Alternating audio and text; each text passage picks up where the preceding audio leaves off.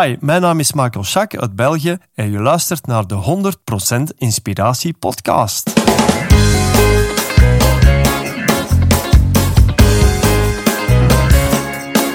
Hey, wat goed dat je luistert. Hij staat weer voor je klaar. Je wekelijkse dosis inspiratie is weer daar.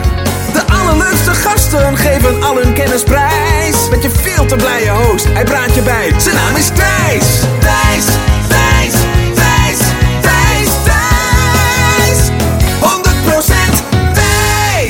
Hi, welkom bij Intens 122. En ik neem deze intro op ehm, vanaf Tenerife.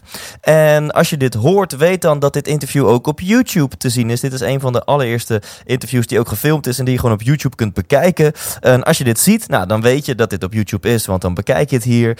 En ik had heel graag willen filmen met als achtergrond de, de zee en palmbomen, waar ik nu op uitkijk. Maar ja, als ik de camera draai, dan schijnt de zon er zo fel in dat je helemaal niets meer ziet. Dus nou, helaas moet je het gewoon eh, doen met mijn hotelkamer op de achtergrond.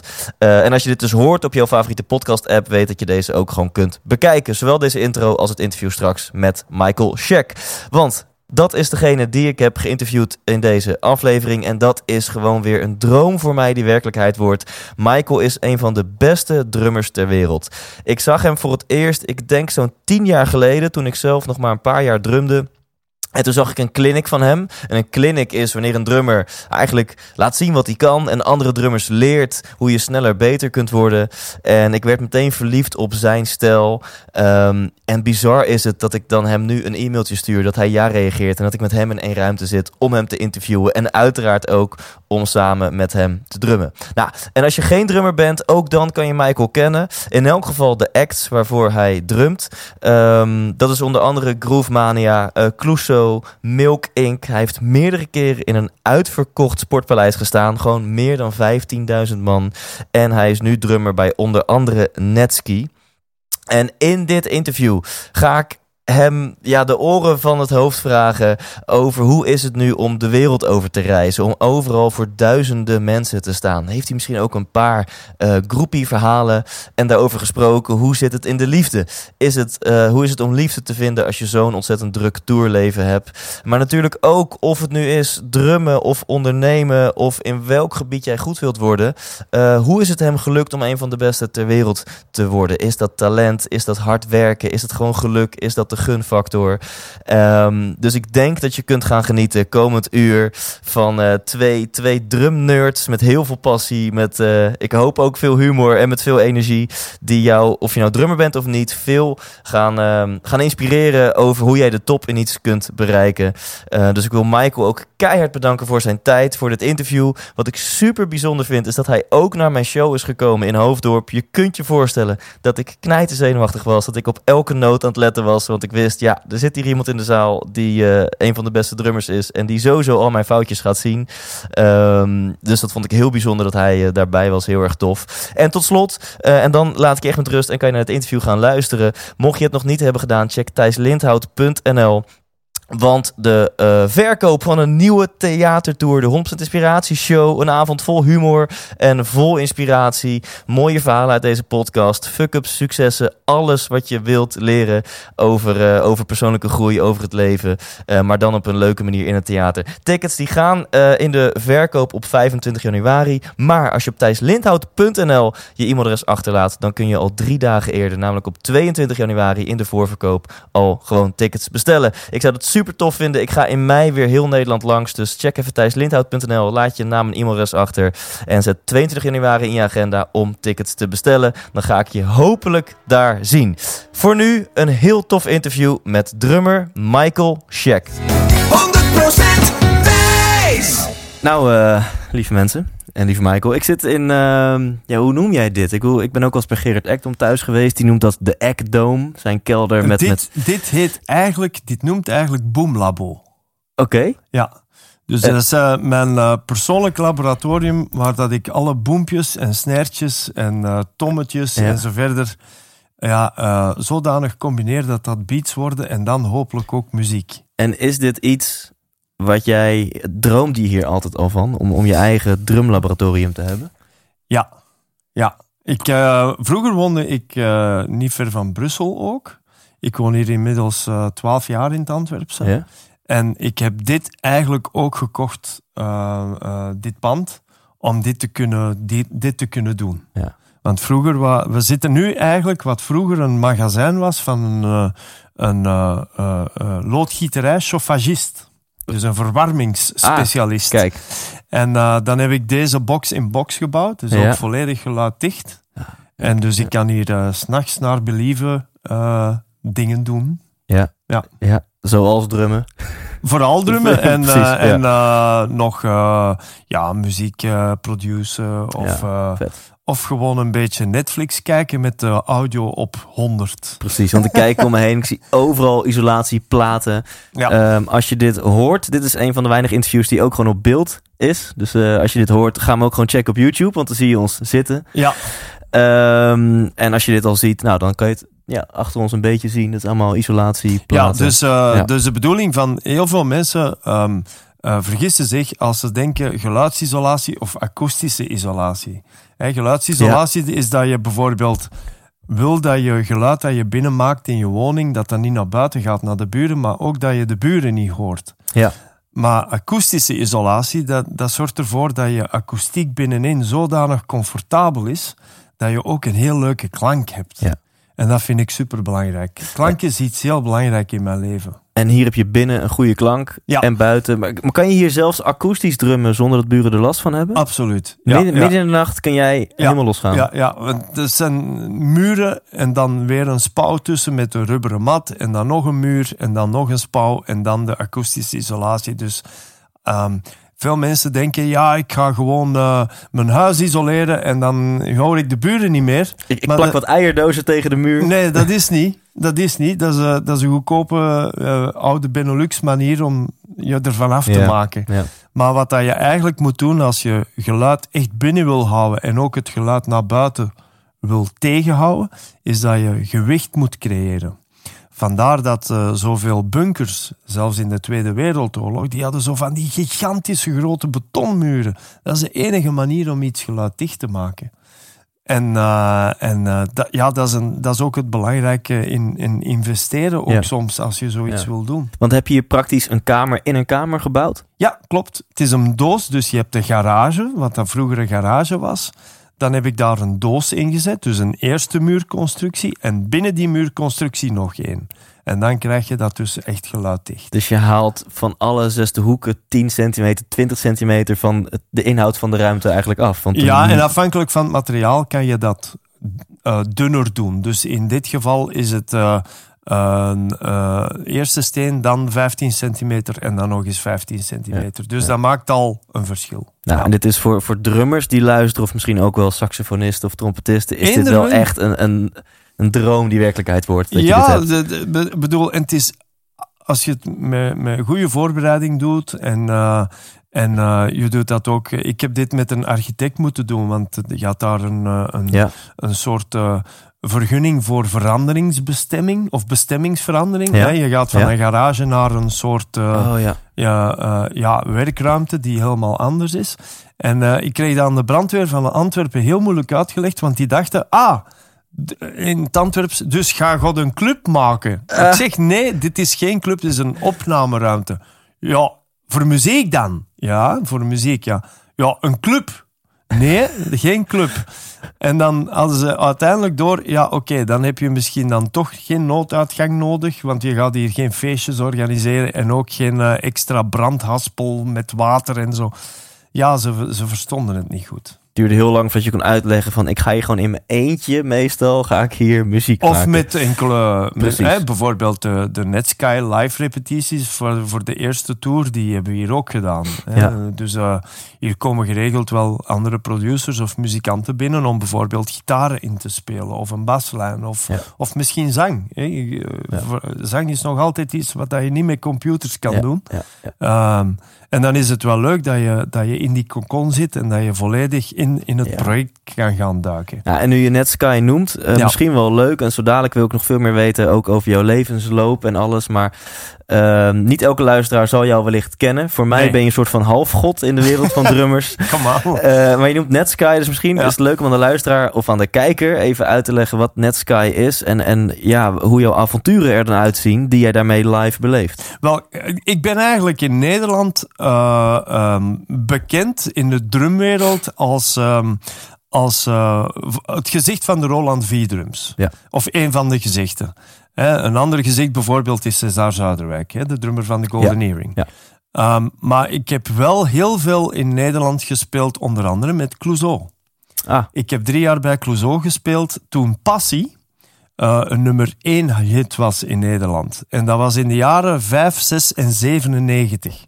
Toen was ik dus de drummer van Clouseau. En toen, en toen was, je, toen was je Clouseau- acht of zo. Nee, nee, nee. Ik was toen ook al... eh, ik had al mijn rijbewijs. Ja, ja, precies. Ja, ja. En dan eh, ben ik later ook, eh, nadat, ik, eh, nadat Clouseau dan een tijdje heeft stilgelegen en met een andere band is verder gegaan, speelde ik in België met een paar bekende groepen. En een van die groepen is misschien ook bekend in Nederland, Milk Inc. Ja, ja, Walk on Water, toch? Inderdaad, Ja. dat was een grote hit in Nederland. In, in welk jaartal was dat?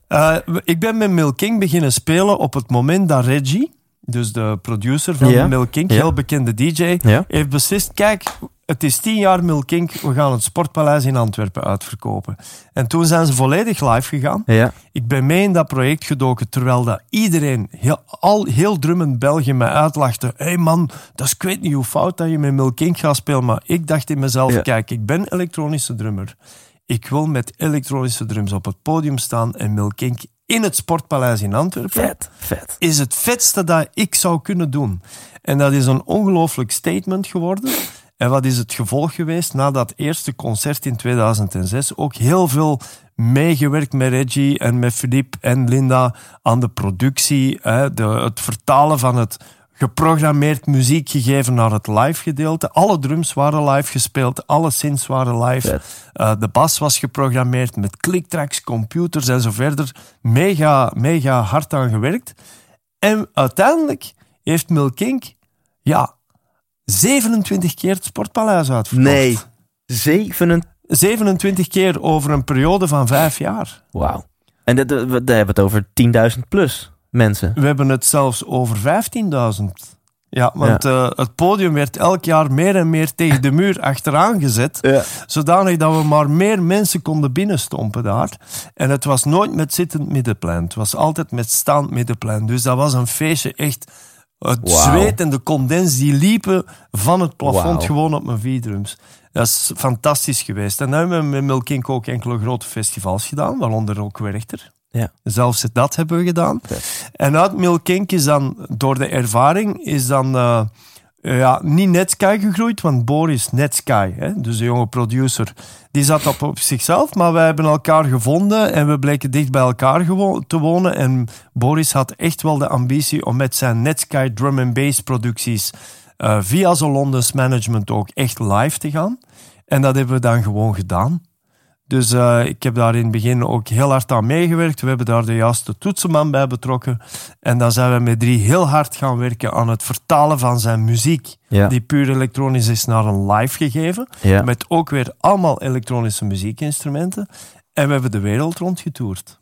Ja, en nu dit jaar, 2018, speelt Netsky geen live shows, omdat hij een nieuwe plaat aan het werken is, ook heel bekend is als DJ. Maar van 2012 tot 2017 hebben wij Australië, Nieuw-Zeeland, eh, de States, onder andere zelfs eh, Coachella Festival. Ehm, alle grote festivals in de Benelux, eh, het Sportpaleis ook in Antwerpen. Ehm Oostblok-festivals, Siget, Balaton Sound, al die festivals die in Engeland, Reading en Leeds, Glastonbury hebben we twee keer gespeeld. Dus dat, is fantastisch dat je dat kan doen. En ja. ja, hier heb ik zoveel vragen. Voor boertjes uit Antwerpen, hè? Ja, gewone jongens. Ja, gewone jongens. Ja. Ja. ongekend. En hoe is het dan? Want ik ben zelf rockdrummer geweest. Nooit eh, voor 10.000 Ja. mensen gestaan. Maar als rockdrummer dan hooguit krijg je de zaal headbangend. Of één refreintje dat ze even meespringen. Dat is wat dat heel veel muzikanten moeten weten. Ik bedoel, als je hits hebt, dan bereik je sowieso een groot publiek. Ja. Op de radio. Ja. Maar om het live te gaan doen, heb je heel veel durf nodig Ja. en ook een visie. Ja. En gelukkig heb ik altijd bij artiesten kunnen werken of mee samenspelen die mij ook specifiek hebben toegelaten om mij die input te geven. Ja. Niet alleen enkel als muzikant, maar ook qua klank en de manier waarop ik speel. Om die, en, en mijn visie op muziek is heel simpel. Een heel simpele four on the floor die live gespeeld is, kan mensen nog harder doen springen dan wanneer een DJ het doet. Ja.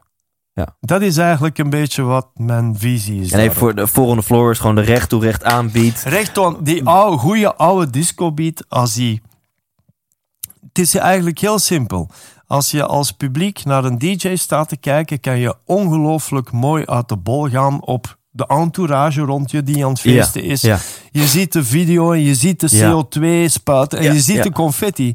Maar als je een drummer dan live ziet spelen met diezelfde klanken, ja, dan zijn er ineens, ik weet niet hoeveel mensen in het publiek die eigenlijk mee liggen te airdrummen.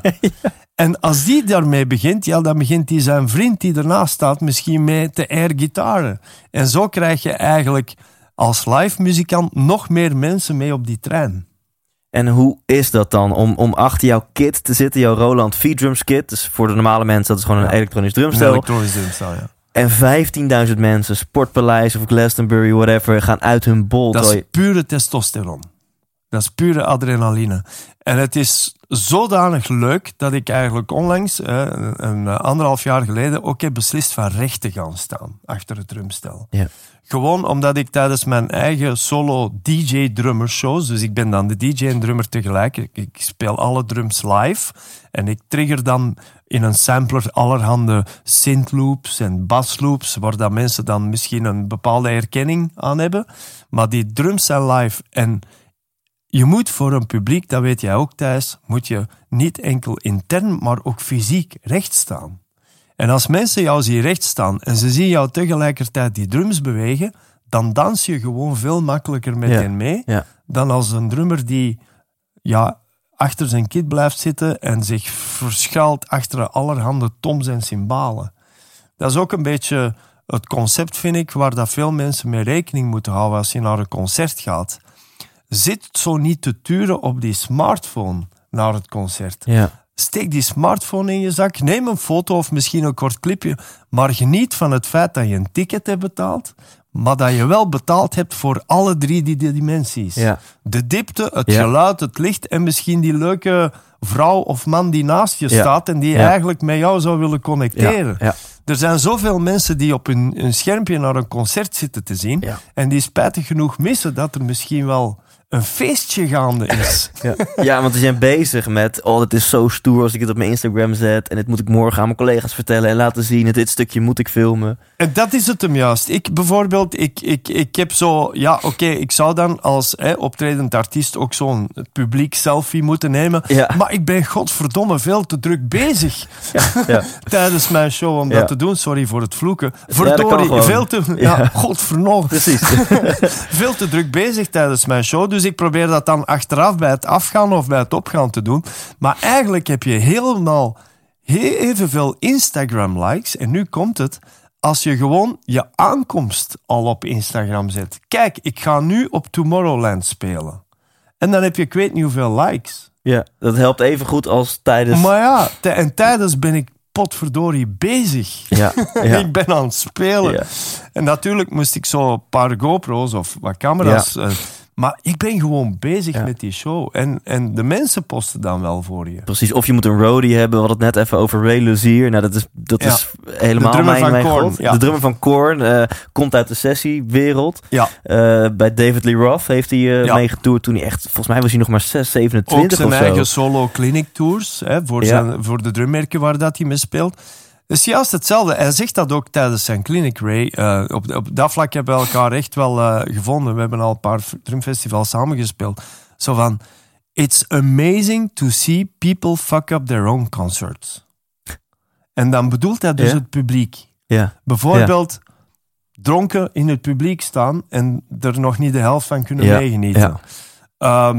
Eh, zodanig eh, je focussen op de man die iets te dicht tegen je vriendin Ja. staat, terwijl dat hij misschien ook gewoon naar het podium aan het kijken is. Hij zegt, moesten alle mensen echt waar die smartphone nu even in hun zak steken en gewoon naar dat concert staan kijken, dan zouden ze potverdorie zoveel meer rendement halen uit hun betaald ticket. Ja. En dan ga je ook veel meer opgeladen naar huis met het idee van dit wil ik ook doen. Ja. In plaats van dan achteraf nog maar eens naar het filmpje te kijken, ja, dat je eigenlijk al gezien hebt terwijl dat je in de zaal stond. Ja.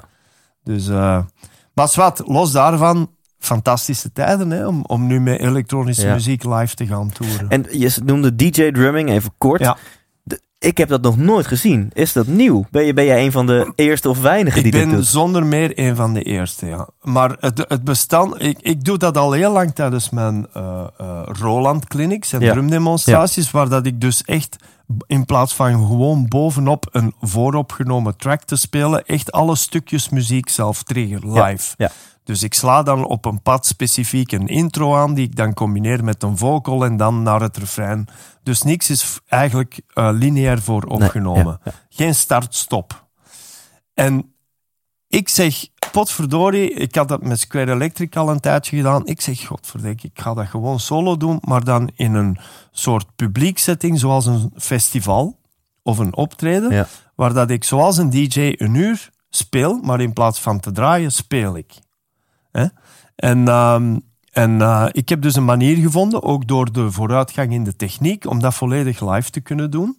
Maar alle drumbeats zijn live gespeeld. Dus Ja. ik zit niet zoals heel veel drummers tegenwoordig doen, samen met een DJ op het podium. En ik speel dan bijvoorbeeld met de drums gewoon live bovenop de. DJ-tracks. Ja. Ja, dan ben je nog gewoon bovenop een track aan het spelen. Dus Ja. ik probeer dat echt allemaal zelf te doen. Ik sta ook helemaal in het midden en vooraan op het podium. Ja. En ik probeer de mensen aan het dansen te krijgen. En daardoor dans ik dan weer mee. En dat is een soort interactie die ontstaat, die veel vrijer is dan bij een door de ganse DJ-set. Maar waar dat je evengoed diezelfde nummers kan gaan mashuppen. Ja. En mashups zijn eigenlijk combinaties die ik zelf probeer te bedenken van een bekende vocal met bijvoorbeeld de gitaarintro van Smells Like Teen Spirit gecombineerd met Technotronic Pump Up The Jam gecombineerd met, ehm, met een drop van, eh, van de laatste release van Nicky Romero gecombineerd met een baslijn die ik zelf heb geprogrammeerd en zo verder. ja. En dan kom je op eh, fantastische dingen eigenlijk. Dat is echt trial and error, maar het werkt wel. En dan ben je in je eentje. Je had afgelopen weekend drie gigs op één dag. In Ja. je eentje heb je een set van een uur. Ja. Waarbij jij drumt. Hè, de, de samples, oftewel de, de stukjes muziek. Als je die zo aan. eh, als je die zo afspelen zonder dat jij drumt, dan hoor je gewoon echt een stu- muziekstuk zonder beat. Jij klopt. maakt echt die beat er live bij. Klopt. Ja. En in, in een uur lang Ja. grijp je het publiek, neem je het publiek mee en, en ze gaan helemaal uit ja, plaat. het is eigenlijk moeilijker uit te leggen dan dat je het ziet. Ja. Hè? Dus er staan wat voorbeelden op YouTube en zo en op een Instagram. Maar het belangrijkste is dat je eigenlijk live de mensen aan het dansen brengt en daardoor zelf ook mee gaat dansen. Ja. Daar komt het op neer. Vandaar dat ik ook ben gaan rechtstaan. Ja. En dan nu even een stukje terug, terug in de tijd. Want eh, op welke leeftijd ben je begonnen met drummen? Ehm, mijn ouders hebben gezien dat ik ritme had toen ik vier jaar oud was. En op mijn zeven jaar kreeg ik voor Sinterklaas een echt zo een oude tweedehands eh Ja. hè, een snaartrommel. En daar ben ik dan tussen, ja, tijdens mijn lagere schoolperiode, voordat ik dan 11, 12 jaar was, ben ik daarmee gaan experimenteren. En dan vond ik er niks beter op, zoals vele jonge drummers toen, van zo van die waspoedertrommeldozen. Oh ja. Maar vroeger werd dat in, in zo van die trommelachtige dozen verkocht. Ja. Vandaar zo'n eigen drumstelletje mee Ja. te maken. En dan, ehm, toen ik 11, 12 was, zagen mijn ouders, gelukkig dat ik eh, ouders had die ook muzikaal geïnteresseerd waren, zagen toch van, ja, misschien moeten we hem dan toch een drumstel cadeau doen. ja. En toen was je al vijf jaar lang op trommels aan het Ik was aan gewoon aan het jassen op, op die trommels. Ja, hè. ja, ja. En dan is daar eh, een drumstel gekomen. En dan ben ik echt beginnen, heel hard beginnen sparen voor het drumstel dat ik zelf wou. Hè, want wij hadden, het, eh, wij hadden het goed thuis, maar niet super breed. Eh, en dan op mijn zestiende heb ik mijn, ja, eigenlijk het drumstel gekocht dat ik na, met wat vakantiejobs en veel sparen en veel bedelen bij tantes en onkels, eh, dat ik zelf wou. En dat was een Tama Superstar eh, in dezelfde kleur als Billy Cobham. En dat is de drummer van? Dat was een heel bekende drummer, een heel echte solo-artiest. Ja. Ehm, en ik was toen fan van eh, verschillende drummers. Maar mijn idolen waren Billy Cobham, een zwarte, echte funky, jazzy drummer. En Stuart Copeland van de Police. Ja.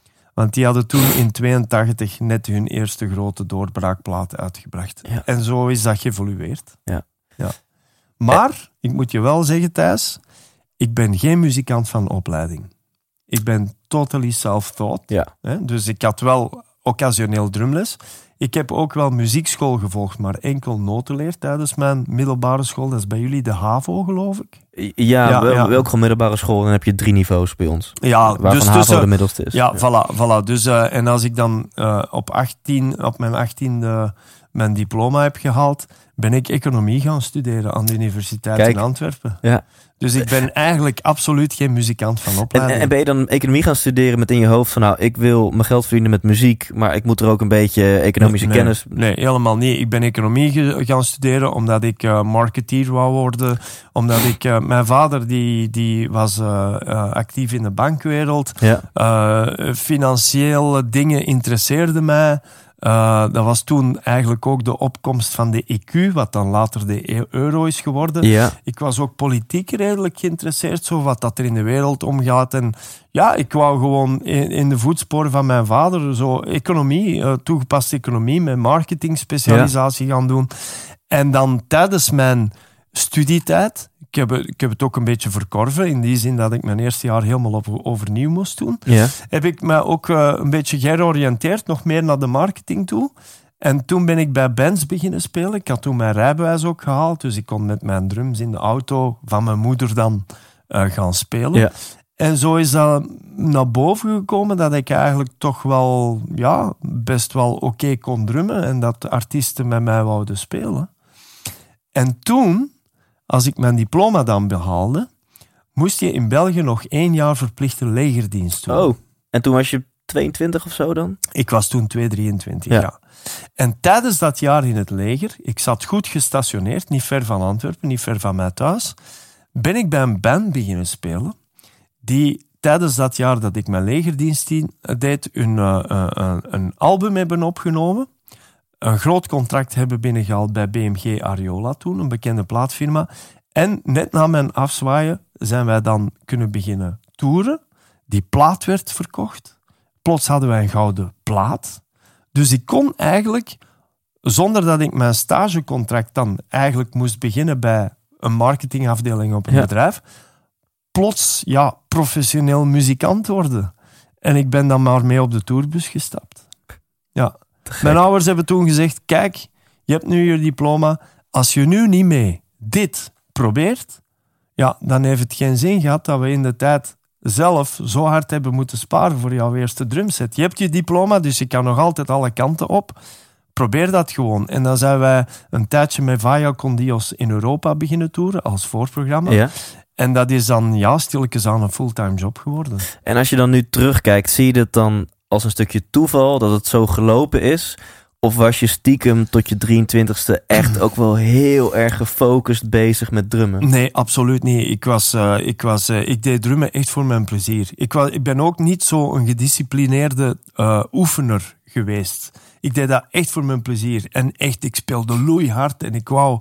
Ik speelde mee met funknummers. Ik had mijn eerste samplertje gekocht van mijn vakantiejob. Ik wou gewoon op een podium staan Ja. als ik drumde. Ik, vond, ik ben nogal een extravert iemand. En, en zo die café-jams en zo, dat, dat is wat ik wou doen. Ja. En daar heb ik ook de stil geleerd van het samenspelen met andere muzikanten. Nooit niet bij mij thuis. En eh, hoe, hoe- hoeveel uren maakte je dan achter jouw drumstel? Soms nul per dag, soms is één per dag, soms twee per dag, maar nooit zo van die lange oefensessies Nee. van acht, negen uur per dag.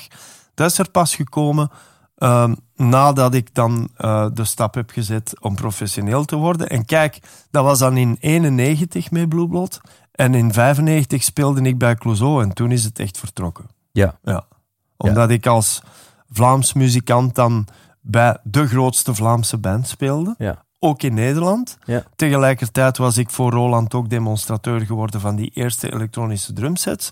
Maar door bij Clouseau te spelen werd ik dan ook meer gevraagd bij Nederlandse muziekwinkels om te komen demonstreren. Ja, en dan is dat echt vertrokken.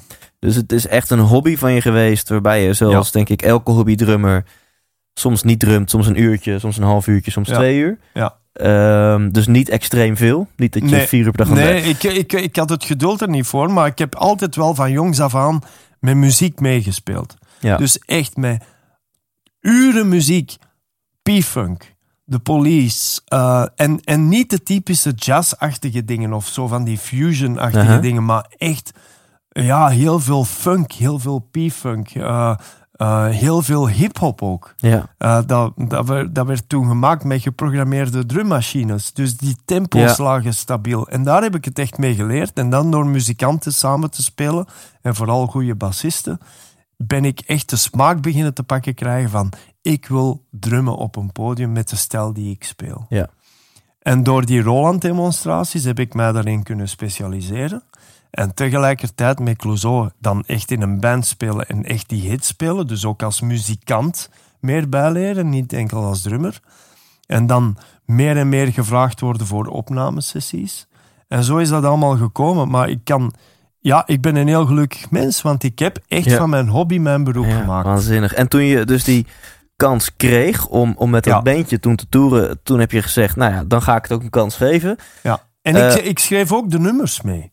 Dus dat was ook een belangrijke financieel gegeven. Dus ik was niet enkel de, band, de drummer van die band, maar ik was ook mee de kern. Ja. Dus ik schreef Ja. ook nummers mee. En een van die nummers die ik dan had, had geschreven, samen met die gitarist, is ook een beetje een hit geworden. Dus ook een single kunnen worden. Werd ook gedraaid op Studio Brussel en alle Ja, radio's.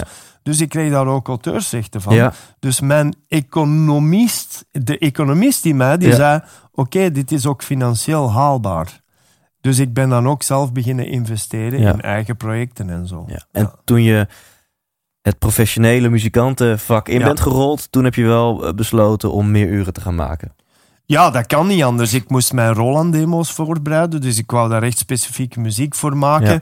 Ik eh, wou ook een betere drummer worden, want ik had dat ook nodig. Als je drumfestivals begint te spelen, verwachten mensen toch iets meer dan het loutere eh, eh, commerciële beatje dat je speelt, bijvoorbeeld in een, in een Clouseau-hit. Ja. Ik begon ook eigen bands zo op te richten. Ik had bijvoorbeeld een eigen band met, vier, met drie andere mensen, dat noemde Groove Mania. Ja. En, en twee van ons, namelijk ikzelf en Hans Franke, is een van de topproducers in België geworden voor popmuziek. Is ook de leider van The Voice in België. Ja. Jullie hebben dan The Voice in Nederland. Ja. Dus, eh, dus eh, ja, dat, waren echt, eh, dat was de echte fleur van de jaren 90. Heel veel festivals die opkwamen. Heel veel, heel veel kunnen, kunnen spelen in de Benelux.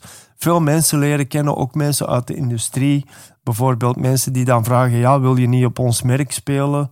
En, en ja, zo is dat allemaal gegroeid. En zo heb ik ook mijn, met mijn economische background voor mezelf een, een bedrijfje opgestart. Mijn eenmansbedrijfje dat heel loyaal is naar de merken toe, maar Ja. tegelijkertijd ook de merken wil helpen om betere instrumenten te maken. Ja. En daar is dan heel dat Roland-verhaal Ja, vet. uitgegroeid. Ja, daar gaan we het zo meteen sowieso Ja. nog over hebben.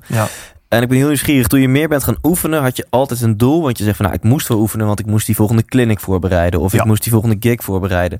Was je op die manier altijd aan het oefenen met doel? Of Ja. heb je ook, eh, zoals zeg maar conservatoriumdrummers, soms gewoon acht uur lang geoefend op jazz. Gewoon omdat je vond dat Nee. je dat ook moest kunnen? Nee, of nee, zo? de, de, nee, ik ben altijd iemand geweest die geoefend heeft in functie van iets. Ja, Ehm, maar ik ging dan ook wel ver. Dus ik ging dan wel zeggen, kijk, oké, dit is een bepaald nummer of dit is een bepaalde ding dat ik wil doen. Hè. Dit is muziek die ik geschreven heb om, om eh, die Roland-demo te Ja. laten knallen. ja, Oké, ik heb daar fills voor nodig. Welke fills ga ik doen? ja. En dan ging ik natuurlijk ook naar video's kijken. En dan haalde ik daar de best-of uit en dan probeerde ik dat te verpersoonlijken. Ja. Maar ik heb nooit van bladzijde 1 tot bladzijde, eh, laten we zeggen, 100 eh, techniekboeken liggen, uitblazen. Nee, ik, ik oefende echt functioneel. Ja, want ik vind wel dat je een hele eigen stijl fills hebt. En sorry voor de niet-drummers die kijken of luisteren, maar een fill, hoe leg je Ja. het uit aan een niet-drummer? Is... Ja, een fill is eigenlijk het stukje in de muziek of in het nummer waar de drummer wil uitpakken met kijk, dit kan ik. ja. En, en als excuus zegt En dan, ja. dan mogen nog mensen, drummers, zeggen... Nee joh, die Phil die is helemaal eh, in functie van de muziek. Nee joh, je wil ook uitpakken. Precies, dat, dat, dat, dat is je excuus. Nee, maar deze veel is essentieel om aan te geven dat we overgaan naar de brug of naar het refrein of naar dit. Maar je wil eigenlijk Whatever. Je wil gewoon die vriendin scoren en ja. Ja, ja. dat is waar. Oké, dat is een veel. En, en want ik vind dat je een hele eigen stijl fills hebt. En hoe, hoe, hoe is dat dan ontstaan? Dat is ook een fysiek gegeven. Als ik jonge drummer was, zette ik ook altijd de toms en de cymbals iets hoger. Ik was nogal klein van gestalte. Dus dat is een fysiek gegeven. Ik speel ook redelijk, ik speel ook luid. Ja. Op een akoestisch, ik speel luid. Dus waarom zou ik mij dan op mijn elektronische drumset fysiek inhouden? Nee, dat is een, een, een manier van bewegen, een manier van Ja. dansen. Ja. En ja, de fills zijn daar een uitloper van. Ja. Dus ik ga heel graag tussen de handen en de voeten. Maar tegelijkertijd nemen de voeten het van mij over om met mijn handen dan naar weet ik veel wat te gaan bewegen. En de mensen ja, zien dat ook. Dat mag ook gezien worden. Ik heb ook een opstelling die altijd open is geweest. Ik, ik vond het altijd belangrijk dat je de drummer ook zag. Ja. Omdat je dan ook de beat ziet gebeuren. Dus ik verschuil mij niet achter cymbals en toms tot voor mijn gezicht. Nee, ik, ik, ik, ik heb een, eigenlijk een vrij kleine, simpele opstelling. Maar ik raak wel alles aan en zoveel mogelijk. Ja. Ja. Daar komt het op neer. Ik ben eh, precies hetzelfde. Eh, je je Ja. hebt metal drummers die draaien alle toms bijna eh, eh, eh, verticaal, zeg je Ja, het goed? ja. Eh, ja, Ja, ver- ja. Naar, naar zich toe. En die verschuiven zich achter alle symbols. Dan zie je alleen nog zo'n bos haar. Zie je, nou, die hebben een moeilijke minder. relatie met mijn moeder gehad vroeger. dat zijn daddy issues of mommy issues. ja. En jij wil, eh, ik heb precies hetzelfde altijd al vanaf dat ik op mijn 16e dan mijn eerste drumstel kreeg. Eh, ik wil, ja, ik wil het publiek kunnen zien en ik wil het publiek mij kan zien. Ja, zo krijg je ook mensen, mensen mee. Bijvoorbeeld, voor, hè, de, eh, onlangs waren het de 2000 drummers op het strand van Scheveningen, hè, Ja. die recordpoging. Wel, ik stond daar met een kleine TD-17 op dat groot podium. En ik heb dat gewoon naar de... Ja, zo zeggen ze dat. Ik heb er maar gewoon naar de kloten geslagen. Het is niet stuk, hè. Uh-huh. Maar ik, ik, ik dacht gewoon, ik ga er met die kleine set staan. En de joy die je brengt als drummer, de joy die je Ja. zelf hebt als drummer, breng je echt heel makkelijk over. Als mensen ook kunnen zien wat je aan het doen bent. Ja. En dan, zelfs bijvoorbeeld een, een, een hardhorende eh, drummer heeft me ooit gezegd: Ja, ik vind dat zo leuk om jou bezig te zien, want ik kan precies ook horen wat je aan het doen bent. Alhoewel dat hij echt wel eh, eh, veel van zijn gehoor kwijt was. Ja. En dat is iets dat mij altijd is bijgebleven. Als iemand die, die bijvoorbeeld een bepaalde handicap heeft, of dat er nu iemand is die slechtziend is of slechthorend, en die komen naar jou toe en die zeggen: Ik heb echt een volle genoten van je optreden. Ja, dat is wel speciaal. Ja. Dat is wel Ja. speciaal, want wij nemen het voor granted dat wij perfect kunnen zien en horen, ook als drummer. Maar als zo iemand volledig begrijpt wat dat je eigenlijk wil doen, Ja. dan is dat het grootste compliment dat je Ja, kan krijgen. mooi. Ja. En als we nu even jouw succes proberen te, te ontleden, om maar zo te zeggen. Want mensen die luisteren, een aantal mensen zullen misschien ook ambities hebben in de muziek. Ja. Maar een aantal mensen hebben ambities eh, op hele andere gebieden in het leven. In elk geval, als je dit hoort, als je luisteraar of in dit geval misschien ook kijker bent van deze podcast, ben je ambitieus. Dat zijn over het algemeen wel mijn luisteraars. Eh, ik ben heel nieuwsgierig. Hoe denk je daar zelf over bij jezelf? Ehm, w- wat is de, de wat jou betreft, eh, wat, wat maakt jou uniek? Denk je dat je gewoon veel beter bent dan heel veel andere drummers? Of denk je dat Nee. het om andere, andere oorzaak heeft dat je zo succesvol bent geworden? Ik, ik heb mijn eigen stijl en, en, en instelling, denk ik. En ik denk dat ik het antwoord heb, want ik, eh, ik krijg tijdens interviews soms die vraag: ja, wat, waar denk jij aan als je aan het spelen bent? ik ben aan het dansen. Ik ben geen danser. Uh-huh. Ik haat. Ik, ik, ik, ik- Ja? Ook als, als, als, als ik op een feest ben of zo, ik, je vindt mij niet op de dansvloer. No way. Dat, dat voelt voor mij heel, heel oncomfortabel. Maar als ik speel, en zeker als ik, of ik nu zitten speel of rechts sta speel, speel, ik ben intern zo hard aan het dansen. En ik denk dat het dat is. En sommige mensen dansen op hun manier en anderen op een andere manier. Ik dans op een soort P-funk manier. Alles on the one. Heel tight, Ja. heel strak. Ja. Maar ja, ik, ook als ik die snijrklap op 2 en 4 zet, ik ben daar aan het meebewegen. Ja. Dus ik denk dat dat ook is wat dat je ziet aan bepaalde drummers die die bepaalde funk in zich hebben. Of dat die nu blanke huidskleur of donkerder huidskleur zijn of geel, dat speelt allemaal geen rol. Ja, je, je- dat is iets in je lijf en dat is een dans. Jij denkt dat jouw succesfactor is dat, dat je op die manier echt je eigen signature... Nee, dat is zeker geen succesfactor. Dat is een speelstijl. Succes, in de mate dat ik kan zeggen dat ik succesvol ben. ehm, succes is, is meer dan dat. Succes is dat de mensen dat ook eh, ehm, ehm, appreciëren en de moeite nemen en de tijd nemen om daar naar te komen kijken. Maar succes is ook dat alles wat je doet of wat dat je over je loopbaan gedaan hebt, dat je daar met veel trots op kan terugkijken. Ja. Ook op de fouten. Succes is ook dat je het financieel kan overleven. Dat, je- dat, dat het financiële plaatje klopt. Maar succes, en dat denk ik dat het belangrijkste is, is dat je ook... Je bent succesvol als je denkt dat je nog altijd een toekomst hebt. Er zijn veel mensen die succesvol zijn, maar die ondanks dat toch in een burn-out geraken of in een midlife crisis. En dat vind ik zo raar, want succes voor mij is nu net het uitkijken naar de volgende stap en de toekomst. Ja. Wat ga ik volgend jaar doen? Wat ga ik volgend jaar bedenken? Wat ga ik nu tijdens mijn huidige zekerheid, hè, mijn plan A werkt, wat gaat mijn plan B zijn op het moment dat plan A is uitgewerkt? En ik heb voor mezelf altijd ehm, een beetje, ja, over de jaren heen echt geleerd, op het moment dat plan A werkt, moet je al met plan B bezig zijn. Ja. En ik denk, als je dat kan, dan kan je jezelf enig succes toewijzen. Dus het feit dat je altijd... Je, moet natuurlijk ook genieten van waar je staat. Dat noemde je ook, hè? Je moet dingen niet voor granted nemen. Je moet, ja? Ik geniet daar ook van, ja. doordat ik al, potverdorie, ik heb nu de luxe dat ik vanuit een, een, een succes, vanuit het feit dat ik speel, het, het, het feit dat ik optredens heb, het feit dat mensen mij boeken, ik kan daar zodanig van genieten dat je dan al kan bezig zijn met, oké, wat is de volgende stap? Ja. En uiteraard is dat niet iedereen gegund. Ik heb voor mezelf ook een gezinssituatie gecreëerd waar dat ik dat kan doen. Ik heb bijvoorbeeld heel bewust gekozen voor geen kinderen. Dus ik heb geen kinderen. Ik heb Ja. ook niet de ambitie om vader te worden, zeker Ja. niet nu. Ik heb wel een, een relatie, maar dat is ook met iemand die zelf ja, dat kinderplan ook achter zich heeft gelaten. Ja. En die ook voor haar carrière gaat. En die ook die keuze heeft gemaakt. Ja. En die ook bijvoorbeeld eh, met, eh, in een vorige relatie heeft gezegd van... Kijk, nee, ik wil echt geen kinderen, dus hier stopt het. Ja. Ik heb ook altijd dat idee gehad. En, en ja, dat was dan blijkbaar toch de juiste keuze.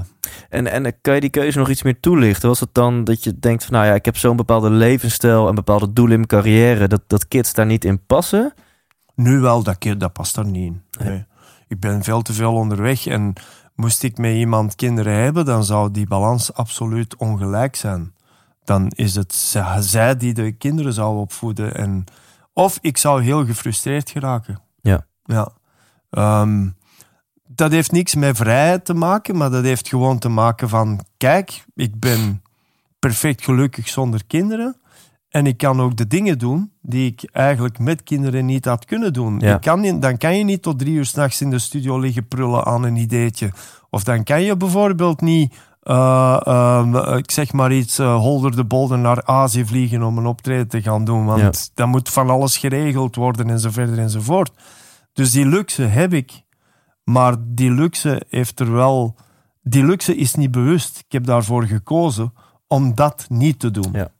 Ja. En, en denk je dan dat eh, artiesten die misschien niet bezig zijn met de volgende stap... of die, die misschien arrogant worden, die denken dat ze er al zijn... denk je dat dat op termijn ongelukkig maakt? En dus die nee, burn- want de volgende stap voor bepaalde artiesten kan net zijn dat je kinderen wil. Ja.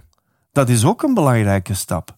Ik, ik kijk helemaal niet denigrerend neer op artiesten die ervoor gekozen hebben om ook minstens zoveel tijd aan een gezin te besteden. Integendeel, dat is ook een roeping. Ja, Dat is ook een motivatie om in het leven te staan. Maar in mijn geval zou dat veel te veel consequenties hebben Ja. voor de dingen die ik heb opgebouwd. Ja. Ik, ik reis heel graag rond. Ehm, bijvoorbeeld, ik, ik, ik heb die connectie met Roland in Japan. Ja, ik ga elk jaar naar Japan, maar ik ga daar werken, ik ga daar spelen. Ehm, eh, ik, ik, ik, ja, ik doe de dingen zoals dat ze zich voordoen. Ja. Maar ik kijk absoluut niet denigrerend Nee. neer op mijn, mijn broer bijvoorbeeld. Die heeft drie kinderen. Dus ik ben een fantastische suikernonkel. Ja, te bij wijze van Ja, spreken. ja. Dus die heeft, voor een heel, die heeft een carrière in de autowereld. Maar die heeft een- gekozen voor... Kijk, ik heb ook kinderen. Dus mijn carrière is hier. En, en kinderen of geen kinderen, jouw stelling of jouw persoonlijke ervaring is... als je gewoon altijd weer een volgende next level stap hebt waar je naartoe kan werken... Moet je Dat die maakt vrijheid gelukkig. hebben. Ja, Oké, ja, ja. ja. Dus ik heb een bepaalde vrijheid. Ik heb absoluut een professionele vrijheid. Als het morgen bijvoorbeeld stopt voor mij, ja, dan heb ik natuurlijk enkel financieel aan mezelf te denken. Ja. Dat is ook makkelijker. Ja. En daar ben ik ook mee bezig. Ja. Ehm, maar ik heb nooit de instelling gehad van, ja, ik moet kinderen hebben, want als ik eenmaal gepensioneerd wil, word, moet er toch iemand voor mij zorgen. Ja, ja. Daar heb ik nooit bij stilgestaan. En dan heb je zat groepies, toch? Die jou willen verzorgen. Liefst niet. Oh. Groepjes, man, dat is... Nee, da- daar heb je niks aan. Wat, wat, want eh, hoe lang heb je een relatie, als ik vraag mag? Eh, ik ben nu vier jaar Ja, dus, dus je bent ook in je artiestenbestaan best wel een aantal eh, periodes Ik ben zelfs ooit geweest. getrouwd geweest. Ja, oké. Maar zijn wel plots kinderen, dus Ja. dan, dan Dat hield stopte op. het. Nee, maar de richting waar ik meer op wilde was de, de, de verhalen van eh, de, de verzoekjes die je misschien wel eens van groepies hebt gehad. Of valt dat mee? Als, Weet je, eh, je, je nou, bent nog altijd de drummer, je bent niet de zanger. Dus meestal groepjes die, die echt rond een groep hangen, die zullen misschien via de drummer of de gitarist bij, bij de zanger proberen geraken. Uiteraard heb ik, heb, ik, heb ik door meer en meer solo te gaan ook fans. Ja, Maar minstens meer mannelijke drumfans dan Ja. vrouwelijke zangfans. De- Bij wijze van, en ik zing niet, dus dat valt dan ook weer Eh, mee. het aantal borsten dat jij hebt ges- gesigneerd in je leven, dat valt tegen. Eh, ik denk dat, dat er geen... toch niet... eh. Nee, nooit gedaan eigenlijk. Nee. Nee, eigenlijk Nou. niet. Nee. Maar ook nooit in problemen geraakt, hè? Met een fa- fan, met een groepie bedoel je? Of, Nee. Nee, nee, nee. Nee, nee. En ook nooit. eh, ehm, ik, ik ken bijvoorbeeld eh, twee Belgische zangers die serieus in, eh, serieus in Hmm. de shit hebben gezeten door fans die dachten dat ze, dat ze inderdaad hem hadden. En die, eh, Ja. die dan binnengebroken zijn in, in het huis en die je in, Oh, eh, wauw. na, het, na het thuiskomen van een optreden ineens in je douche vindt. Dat bestaat, hè? Oeh. Er zijn Zo. echt, ja, ja, ja. In de tijd van Clouseau waren er ook wel enkele fans die, die redelijk, eh, redelijk Die- ver weg die waren dedicated. Ja, ver weg waren, ja. En om een beetje in dit eh, gebied te blijven, je hebt het heel de wereld over, eh, nog steeds. eh, met, met, met Netsky, met eh, Milk Inc. Weet je, je hebt echt. Ja, met en- Milk Inc. was het vooral, vooral hier te doen. Maar met Roland heel veel, ja. Ja. Al die drumfestivals en zo. En jij wel. hebt dus ook backstage heb je de- heel veel groten der aarde ontmoet. Hè? Ja. Dus mijn andere drumheld Ray Luzier, nou, dat is een kennis van jou. Dus ik, ik was net al aan het kwijlen toen je ik dat heb wel- vertelde. Eh, zeker toen we met Netsky onderweg, eh met Netsky onderweg komen echt wel op festivals waar dat andere grote DJ's Ja. of, of live artiesten echt wel ook... En heb je, kan je wat vertellen? Dat is een hele brede vraag. Maar ik, ik, fascineert me heel erg dan die wereld achter de schermen. Uh, Glastonbury en zo. Daar kom je natuurlijk hele grote acts en namen achter de schermen tegen. Kan je wat vertellen over je avonturen die, je- die je hebt meegemaakt? Ja, er zijn er wel een paar. Eh, bijvoorbeeld iets dat altijd terug bij mij opkomt als ik die vraag krijg, is, eh, is de dag dat ik met Boris, en toen waren we nog met twee, toen waren we helemaal aan het begin van het live verhaal, Ja. in 2011 op Pukkelpop stonden. Op die bewuste eerste dag, Oh, de dag van de storm. Wij stonden daadwerkelijk op het podium in de, in de, in de eh, was het nu de Marquis of de Dancehall, ik weet niet meer, op het podium toen de storm toesloeg. En het was zo'n warme, mooie zomerdag, dat het eigenlijk, wij stonden vol een bak te geven. En eh, Skrillex, Sonny, ja. zijn echte naam, die stond te wachten om het van ons over te nemen. Die stond naast ons. En die was teken aan doen naar ons van, shit man, dit, dit is... eh." En wij voelden gewoon frisse wind binnenkomen in die Ja. bomvolle tent. Ja. En we dachten, wow, is fantastisch. Ja. Iedereen was uit de bol aan het gaan. Ik was op Boris zijn tracks volle bak aan het drummen. En ineens zien wij die tent bewegen. En zien wij de stage manager en de, de, de, de PA-manager komen. Stop, stop, stop. Alles stop, stop, stop. En toen werd het ons duidelijk dat er ook heel veel mensen in die tent stonden die, hé, hey, waarom stoppen jullie?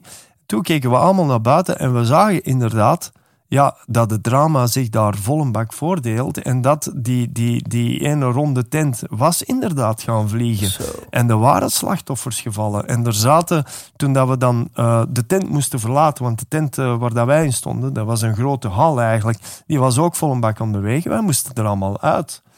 En het was ongelooflijk. Dus Skrillex, eh, die was inmiddels terug naar de backstage gegaan, want die, ja, dit gaat niet meer door. En eh, ja, als we, als, we, als we hem tegenkomen ergens onderweg, we blijven dat een moment vinden dat Ja. ons toen wel... Hé, hey, weet je nog, wij waren daarbij. Terwijl dat wij aan het spelen waren, waren er mensen aan het sterven. Zo. Op een festival. Dus dat is iets dat bijblijft. Ja. Er zijn ook andere dingen. Er zijn ook fantastische, goede momenten die bijblijven. Bijvoorbeeld die eerste keer met Milkink in het Sportpaleis. Niemand wist hoe dat er ging zijn. Mhm. Of het volk dat ging aanvaarden. Ja, ja. En dat ontplofte van de eerste noot.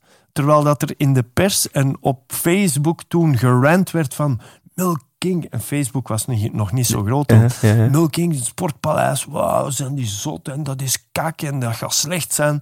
En, en ja, dat was fantastisch. Drie jaar later stonden we op Rock Werchter. Ja. Kondigde Rock Werchter aan dat Milk King op Rock Werchter Ja. zou spelen. Dus een dance, walk on water gegeven op een rockfestival. Ja. Dat werd overal in de pers afgegaan als... Er was zelfs een Facebookgroep opgericht Nee. om, eh, om eh, met frieten en bananen en Ja. allerhande eten naar het podium te gooien. Het was not done. En ook daar vanaf de eerste noot. We hadden zelfs speciaal plastieke zakken laten geval dat. klaarleggen voor het geval dat de mensen met eten en drank gingen smijten op het podium. Omdat er heel veel protest tegen was. Vanaf de eerste noot was dat feest tot en met. Eh, Speelde je laat toen het al donker was? Of was ja, wij speelden, wij speelden op de laatste dag sloten we het festival af in de Marquee. Toen, was er, toen had je nog twee podiumopwerken, mainstage en de Marquee. Ja. En er stond meer volk in de Marquee en buiten de Marquee dan eh, aan Metallica op de mainstage. wij stonden tegenover fucking Metallica. Prachtig. En de- Op een rockfestival. Over Metallica werden twee alinea's geschreven de dag erop in de pers. En over Milk King een hele bladzijde. Hoe, hoe, hoe raar dat het was dat iedereen uit de bol ging. Het heeft mogelijk juist geholpen, die buzz vooraf. Het heeft mij heel hard geïnspireerd van, weet je wat, het speelt geen rol of dat je nu elektronische muziek speelt of, of, of gewoon rockmuziek. Ja. Iedereen wil zich amuseren. Ja. Ook de grootste rockers. Ja. En kijk, Tomorrowland in België of Mysteryland in Nederland. Als je daar rondloopt, je ziet ook bikers en bluesfanaten Ja. daar gewoon naar DJ's staan kijken. Dus het is allemaal niet zo ingedeeld of gesegregeerd als sommigen je doen vermoeden. Ja. Is voor alles het publiek. ja. En jij bent ook wel volgens mij een soort van ambassadeur van elektronische drums geworden. Of van, van, van hybride of de crossover. Ik weet niet hoe je het wil noemen. Eh, letterlijk, want je bent endorser van Roland. Als dat zo heet? Of- ja, of- ik ben eigenlijk meer dan een endorser. Ik ben eigenlijk voor Roland over de jaren heen ook een stuk van het ontwikkelingsteam kunnen worden. Ja. Dus ik ben geen on- eh, werknemer van Roland. Ik sta bij hun niet op de payroll.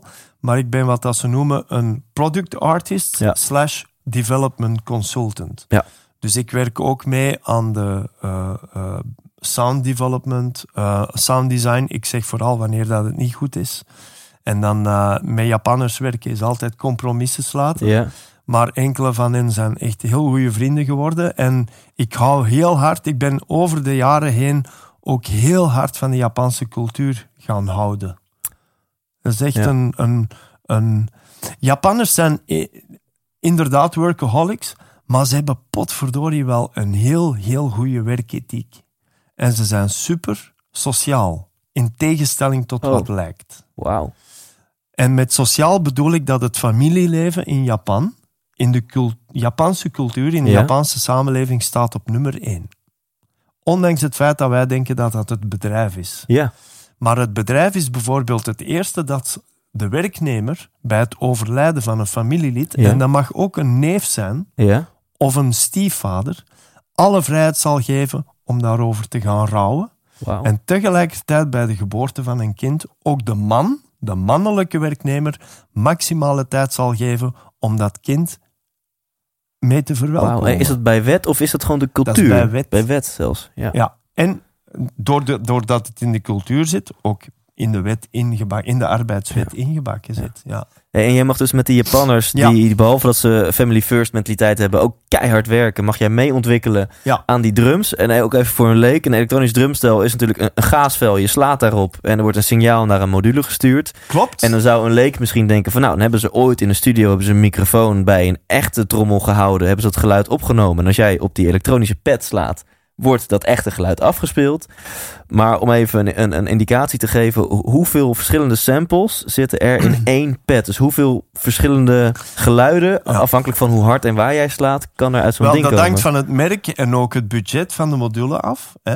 Als je naar de professionele modules kijkt, dan eh, bij de TD50 bijvoorbeeld, Ja. nu het topmodel, zitten er voor de hi-hat gemakkelijk 7 à 8 samples per hi-hat klank. Ja. Dus een stille, een luidere en dan werken die nog Maar dat eens zijn, samen dat ook. zijn dus in de klanken, niet eens de volumeverschillen nog. Jawel, dat is dus de klank die getriggerd wordt door de volumeverschillen. Oh, ja, ja. Maar je kan dan zelf ook nog in die module nog eens klanken bovenop gaan zetten. Je kan nog eens samples importeren, je kan nog eens geluiden importeren en dan zelf nog je eigen layers maken.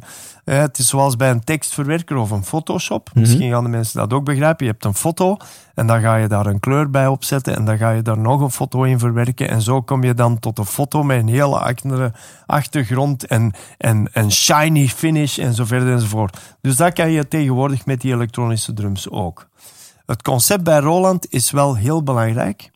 Nummer 1 bij Roland heeft altijd gestaan de snelheid waarmee dat die klap ja. Op de pad vertaald wordt in klank. Ja.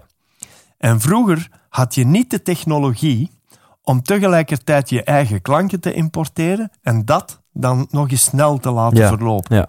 Dus bij Roland is altijd nummer één prioriteit geweest humane feel door low latency. Ja. Dus lage latentie. Ja. Geen vertraging tussen het aanslaan van de pad en de klank.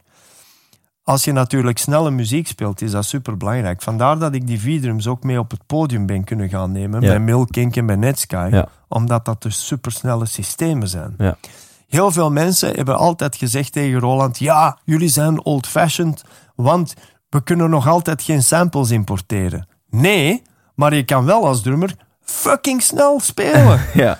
Er zijn andere merken die de focus hebben gelegd van samples importeren. Ja. En die drumset zie je dus niet op het live podium. Want die zijn net iets te traag om Ja. uit het repetitiehok mee op het podium te gaan. Ja. En zeker als je in mijn geval dan met het Sky Drum and Bass speelt, is die snelheid nog altijd super belangrijk.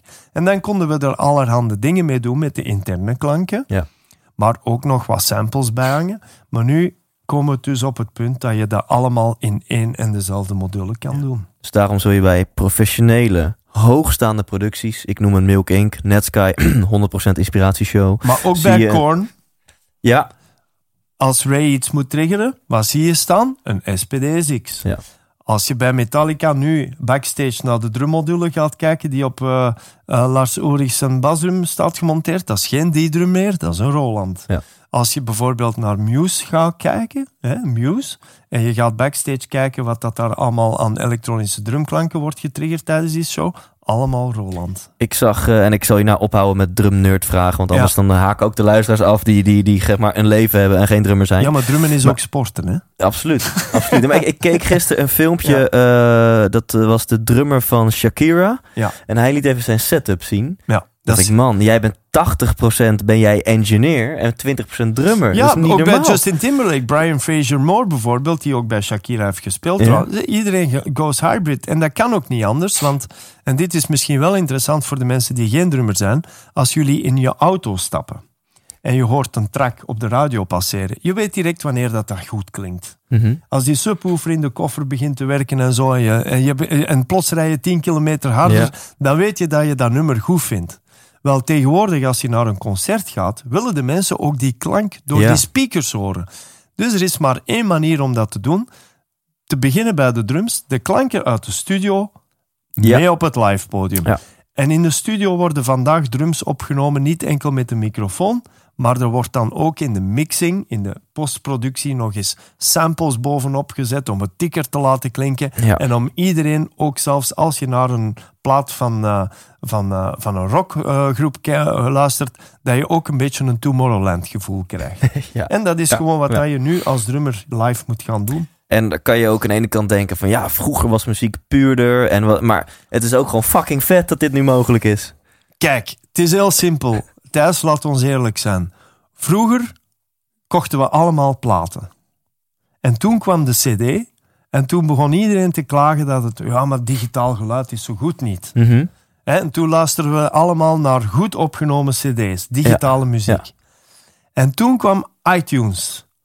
En dan zeiden de audiopuristen: nee joh, dat is MP3's, dat klinkt slecht. En dit en dat. Oké, maar nu hebben we wel allemaal een Spotify of iTunes-account. En niemand koopt nog CD's.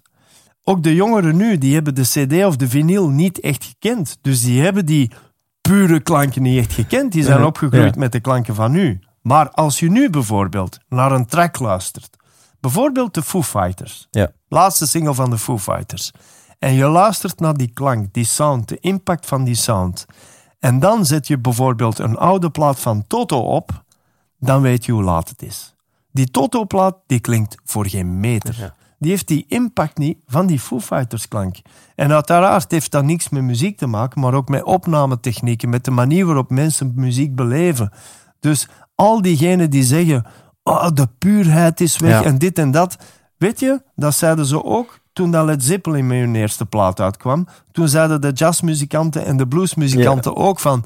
Oh man, dat is veel te... Oh, al die distortie en ik moet dat niet hebben. Dat is niet meer puur. Dat is een verhaal dat nooit zal stoppen. Ja, dat is volgens mij een bekende quote van een van de managers of, of platenbazen van de Beatles. Die uiteindelijk de Beatles niet heeft gecontracteerd. Die zei volgens mij: eh, ja, die man van Decca. we, gaan jullie niet contracteren, want gitaarmuziek is uit. Ja, ah, wel, eh, ja. Bijvoorbeeld, de elektrische gitaar komt uit. Oh Hè? ja. Alle akoestische gitaristen, eh, wat is dat? Dat is geen echte gitaar. De elektrische piano wordt uitgebracht. Alle akoestische pianisten, daar kan je niet op spelen. De synthesizer wordt populair. Oh, mevrouw, meneer, stuur uw dochter bijvoorbeeld niet naar een muziekschool waar dat ze met een digitale piano werken. U mag geen digitale piano kopen, want uw dochter of zoon gaan geen pianist kunnen worden als hier thuis geen akoestische piano staat. De elektronische drums komen uit. Alle akoestische drummers, dat is kut. Dat is een Tupperware drumstel. Daar kan je niet op leren drummen. En kijk, jij bent drummer geworden door elektronisch te Ja. drummen. En ik maak er mijn beroep van. En ik ben nog altijd een even goede drummer. Ja. Dus het conservatieve in de muziekwereld zal altijd zeggen: dit is slecht. En uiteindelijk zullen de visionairen of de progressieven daar iets mee gaan doen dat muzikaal ongelooflijk grensverleggend zal kunnen zijn. Ja. Kraftwerk, DJ's, Tomorrowland, dat is allemaal evolutie. Ja. Het is nooit revolutie. Maar het is allemaal evolutie. en nu gaan er nog meer mensen naar muziekconcerten. Dus dat is allemaal goed. Ik, totaal zijweggetje hoor, maar ik bedenk me ineens in die, eh, in die video over die drummer van Shakira. Had Ja. eh, drummers hebben meerdere voetpedalen, want je Ja. wil soms dubbel bass of Ja. een ander geluid. Wat, en hij had nog een, een, voet, een pedaal naast zijn hi-hat, links naast zijn hi-hat. En dat was om het confetti-kanon af te schieten. Tuurlijk. Want Shakira die heeft dat niet getimed. Want wanneer zij het leuk vindt om Ja. confetti... Dus dan doet ze een knikje naar de drummer en dan hij met zijn linkervoet... Bam! En dan gaat het Tuurlijk, confetti dat is toch de max. Ik heb nu bijvoorbeeld een, eh, een eh, lichtsetje waarmee dat ik ben aan het experimenteren. En in plaats van eerst die drums naar de PA te sturen eh, op het festival en dan de lichtman ernaast die dat dan nog eens triggert. Nee, ik ga dat gewoon zelf doen. Bedoel, dat is wat Mel King triggeren we ook al MIDI. En er is niemand zo goed geplaatst als de drummer of zo om Mhm. zo'n dingen te gaan doen. Ja. Want jij bent eigenlijk de, de timing Ja. van de show. En dat confetti-kanon afschieten. En, en, ja, dat wil ik eigenlijk ook wel. Wel vet, hè? ja, ja, ja. Ik weet dat bij pyro, dus bij vuurwerk, dat Ja. er altijd iemand met een walkie-talkie daar moet staan. Die naar de, de, Ja. de front of house, dus de geluidstechniekman, moet zeggen van... Hier staat Dat niemand. eh, is bij Milk It's King clear. en Netsky ook. Ja. En die mensen moeten brandweer gecertificeerd zijn ook. Ja. dat is gewoon... eh, Hoe, hoe, dat wist ik niet eens. Hoe, hoe is dat om achter zo'n kit te zitten? En het is al 400 miljoen graden. En eh, in het publiek, ik, ik zat een keer op het balkon bij de Ziggo Dome en ik voelde die hitte. En Ja. jij zit daar ja, achter je drumkit. dat is, dat is je- even warme douche, ja. hoe hoe dat is voelt een dat? Turks bad. Zo. Ja. Ja, even een opgietietje. Ja, maar als het dan weg is gevallen, dan voelt het plots weer fris aan. Dus dan Ah. krijg je weer die extra energie. Nee, dat is, de, dat is Turks bad. Ja, En dat eh, is zo. Ja, ei- eigenlijk de compensatie moeten ze na eh, pyro, na vuurwerk, altijd even wat CO2-kanonnen aanzetten. Om het af te Ja, koelen. en CO2-kanonnen, I hate it. Want eh, die CO2-gasten, ik bedoel, op, op DJ-festivals ook, iedereen zit er maar CO2 te spuiten. Maar dat is fucking slecht voor je oren. Het maakt veel geluid. Het maakt verschrikkelijk veel geluid. En iedereen is met dB-limiet bezig, maar er zou potverdorie een dB-limiet moeten komen Ja. op CO2-kanonnen. Ja. Want het, het, het drukt alle muziek weg. Ja. En je ziet, ja, je ziet die CO2 vertrekken, maar ik vind vuur veel interessanter. Ja. En het ultieme, waar dat iedereen zou mo- moeten naar gaan kijken, maar ook qua klank en vuurwerk, is Rammstein. Ja. Dat Ja, is amen. zonder meer de beste liveshow ter wereld. En het is niet toevallig dat die ook in de States en in Azië Ja.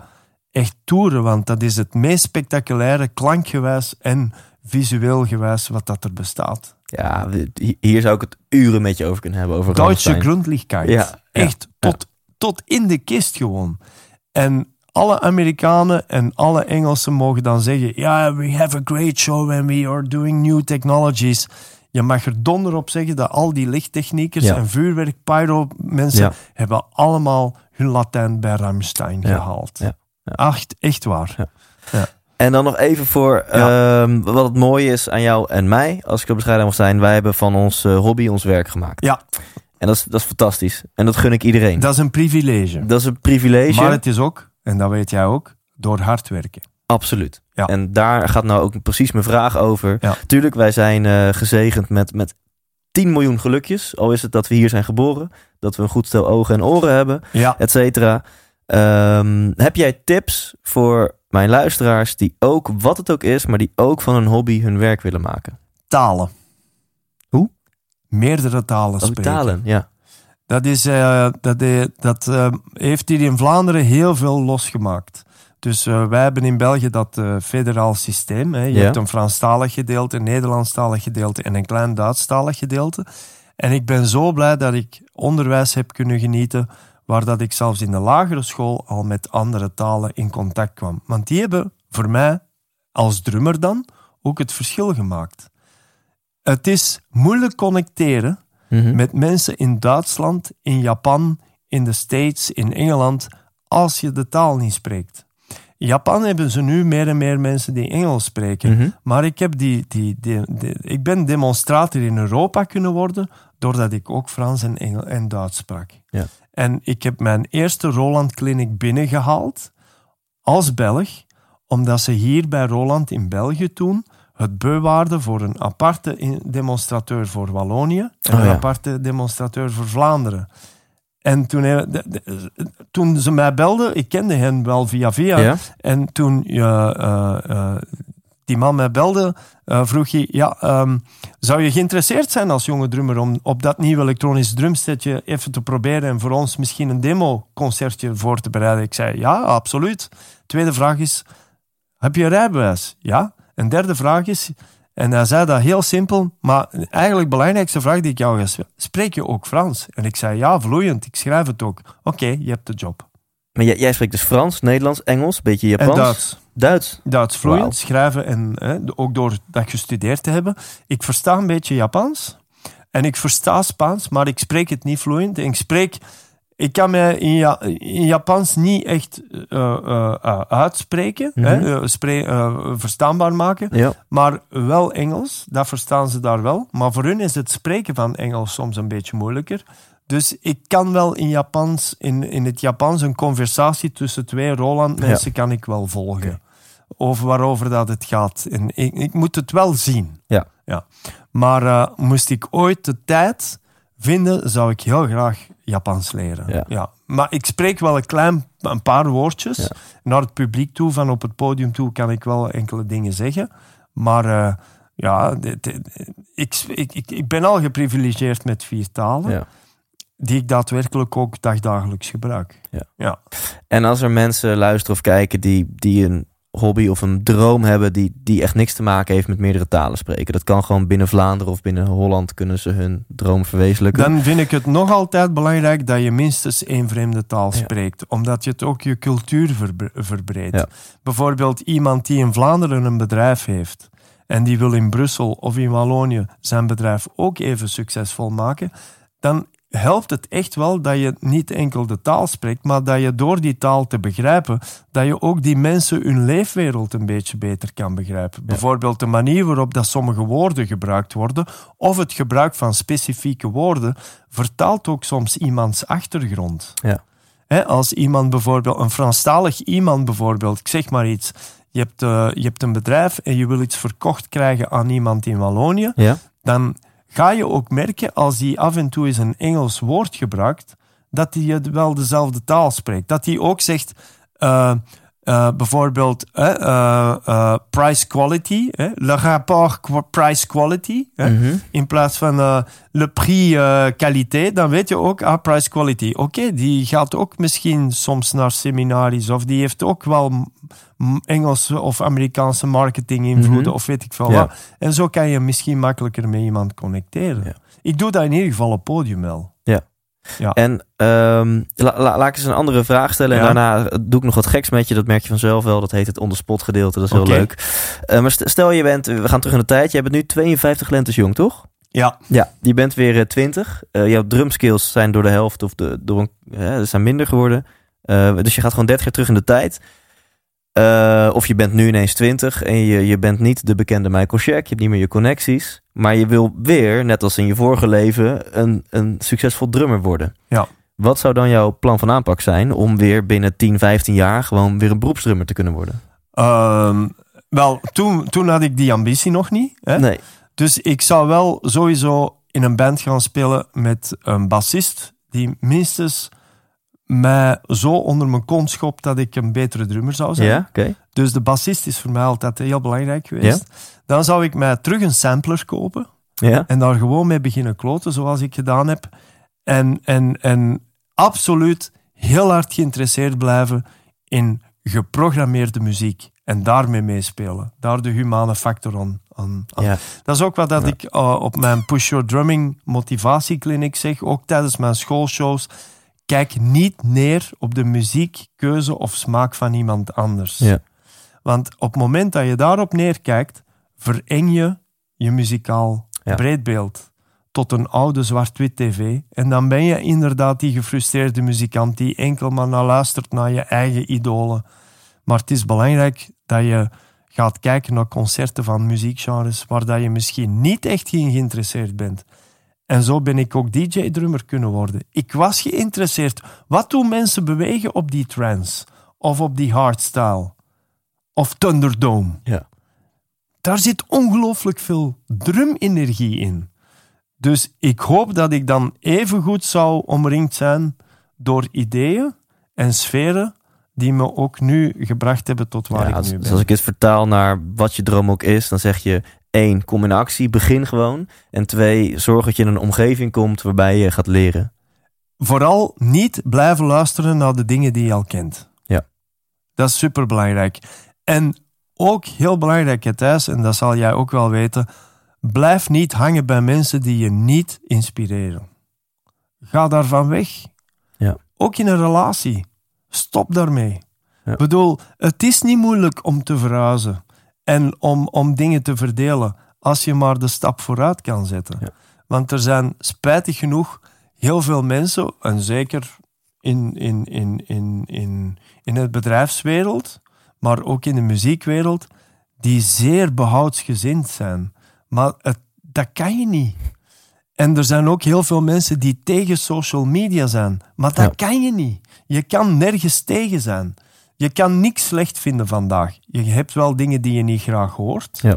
Maar dat wil niet zeggen dat dat slecht is. Ik ben bij Clouseau gaan spelen, terwijl dat veel mensen dat slecht vonden. Ik heb me nog nooit op drie jaar tijd zo hard geamuseerd in het herontdekken van muziekjes die ik zelf nooit zou gespeeld Ja, hebben. ja, ja. Maar potverdorie, achter Koen Wouter staan, fantastische frontman. Ik heb daar heel veel van geleerd. Prachtig. Ja. Nog één vraagje voordat ik je onder spot zet. Ehm, welke tip heb je aan mensen, ik noem een, eh, een Thijs Lindhout, die zeg maar net zo goed willen kunnen drummen als jij? Speel met muziek mee die je graag doet bewegen, maar die je niet altijd graag hoeft te horen. Ja, dus speel eens mee met een... hè, jij bent eh, fan van, van rock en pop. Ja, Hè? ja. Maar speel potverdorie eens mee met een heel platte, acht minuten durende eh hardstyle eh, mixtape. Oké, oké. Ja. Ja. Waarom niet? En je gaat je zo in het zweet werken en je gaat je zo de humane drummer voelen Ja. dat je denkt van fuck, dit was niet enkel drummen, dit was ook een uurtje fantastische fitness. Ja, ja, ja. En zo word je een beter drummer. Tof. Ja. Tof. Ik ga je onder, onder spot zetten. Oké, Eh, dat zijn tegenstellingen. Een stuk of twintig tegenstellingen. Die ken ik dan niet uit mijn hoofd. oké. Eh, en dan mag je er eentje kiezen. Ja. Dus dat is echt vanuit je gut feeling Dus A antwoord of B geven. en ik kies dan A of ja. B. En ik speak ondertussen ook even om te kijken of ik eh, kijkersvragen heb. Het is tricky, want ik heb dit... Er is blijkbaar één camera uitgevallen. Oh, nou dan hebben we elk geval die nog. Ja. Hallo. Hi! maar voor hetzelfde geld werkt hij nog, hè? Maar ik denk het niet. Nee.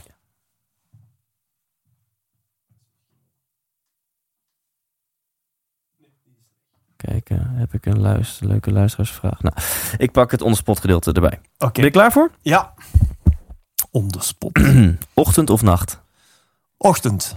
Bestuurder of passagier? Bestuurder. Ferrari of Tesla? Ferrari. Poetin of Trump?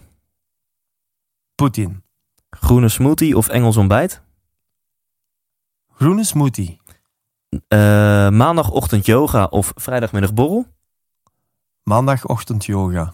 Naakt of pyjama? Maar dat komt omdat ik ook niks van alcohol drink. Oh, kijk. Maar het is Verstandig. geen overtuiging. Ik ben er gewoon nooit mee Nou, begonnen. verstandig. Ja. Naakt of pyjama?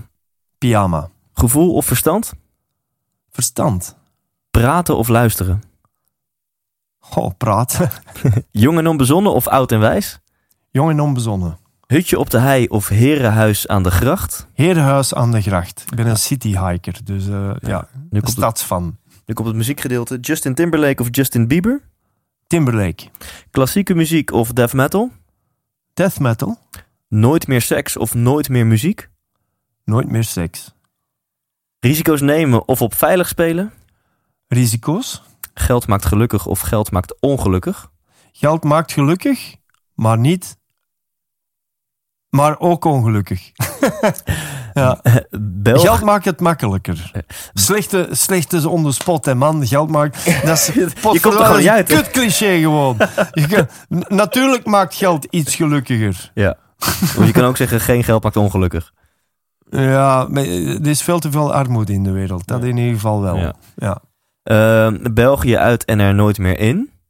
Of België in en er nooit meer uit? België in. Dan blijf je hier.